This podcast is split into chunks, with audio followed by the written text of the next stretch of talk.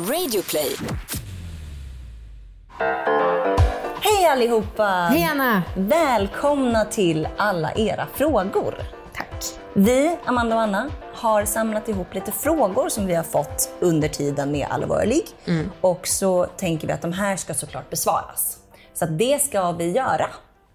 Och vi ska ta upp en fråga idag som vi har fått in och vi kommer svara på den på lite olika sätt. Ja, vi kommer svara på vårt sätt, sen så kommer experterna svara på sitt sätt och internet på sitt sätt. Exakt. Det är lite olika nivåer. Mm. Eh, ska jag säga frågan kanske? Säg den. Okej. Okay. Jag lever med en kille och vi har barn ihop, men jag kan inte sluta tänka på mitt ex. Han var min första och stora kärlek och han har inte gått vidare, vilket gör det svårt för mig att släppa honom. Vi hade ett väldigt stormigt förhållande. Eh, vi var väldigt, väldigt kära och hade mycket bättre sex än vad jag och min nuvarande kille har. Vad ska jag göra? Oh. Oh, herregud vad Vad säger de på Familjeliv, Anna, din favorithemsida? på Familjeliv så har vi hittat en person som har skrivit så här. Ditt hjärta kommer att slå för honom så länge du låter det göra det.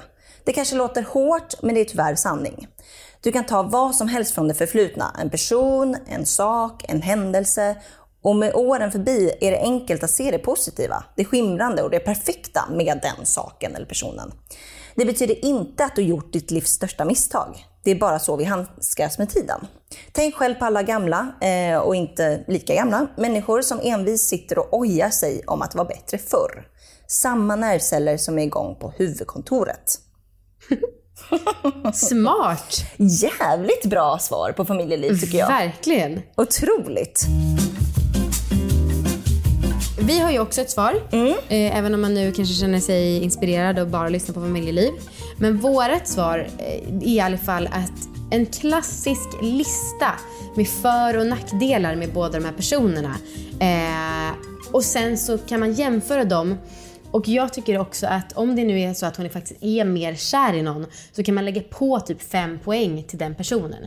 För att hjärtat, har ju, hjärtat spelar ju också väldigt stor roll. Mm. Eh, men... Så vi snackar ett poängsystem? Ja, lite mm. så tycker jag. Va, men hjärtat, då ska alltså, jag tycker att hjärtat ska ha väldigt många poäng. Ja. Eh, för det är ju en, det som... Ja men fem poäng fick den ju. Fem poäng. Ja men så vad är liksom en, max? Nej men så här, låt säga att en person, den ena får så här snygg, rolig, trygg.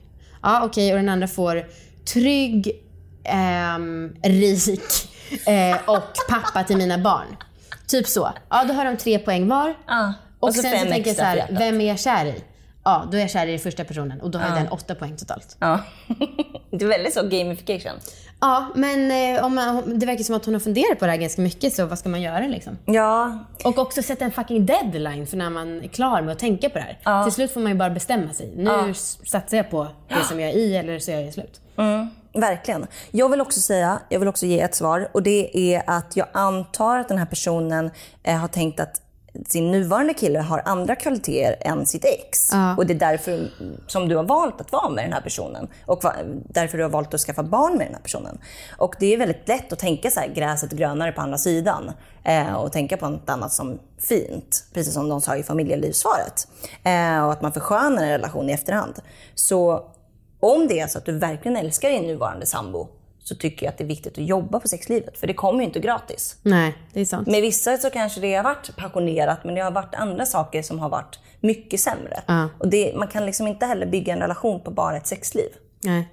Faktiskt. Så sant. Mm. Gud, alla är så jävla smarta idag. Okej, ska vi höra ett expertsvar också? Ja. Då är det en person som heter Charlotte Sander och hon säger så här. Det kan vara så att du omedvetet raderat dåliga minnen från den tidigare relationen. Speciellt om det knakar i den nuvarande relationen. Då är det lätt att i en jämförelse mellan dina två relationer blir missvisande och att du framställer ditt ex i bättre dagar än vad som faktiskt var verkligheten. Mm. Och så skriver hon också att du har svårt att släppa någon kan även handla om att du inte är helt klar med din tidigare relation. Kanske tog den slut på ett sätt där du inte fick de svar du behövde för att kunna gå vidare. Eller kanske blev du helt enkelt lämnad. Då har du kanske inte riktigt fått chansen att bearbeta dina känslor. Och du måste acceptera att det tar lite tid. Och om man inte har fått chansen att bearbeta riktigt så kan det vara bra att komma ihåg att bara för att du tänker på ditt ex ibland så gör det inte dig till en mindre bra partner helt okej. Fint också! Väldigt fint. Det är då en relationsexpert som har sagt det här. Så att eh, vi tycker verkligen att det var ett expertsvar. Gud! Mm. Du vet att ibland så frågar jag dig så här, vem vinner? Idag skulle jag vilja säga att alla vann. Ja, det var ganska lika svar. Ja, Ja, men det är skönt att det finns ett samlat facit ja, för hur man gör. verkligen. Hoppas, du som har skrivit in till, här, hopp, till oss, hoppas att du mår bättre, att du tagit ett beslut, att du kunnat bearbeta eller hur du nu har valt att göra. Eller att du får nu hjälp av oss. Okej, vi hörs imorgon. Då kommer ett nytt avsnitt. Hej då Amanda! Tja! Hej då!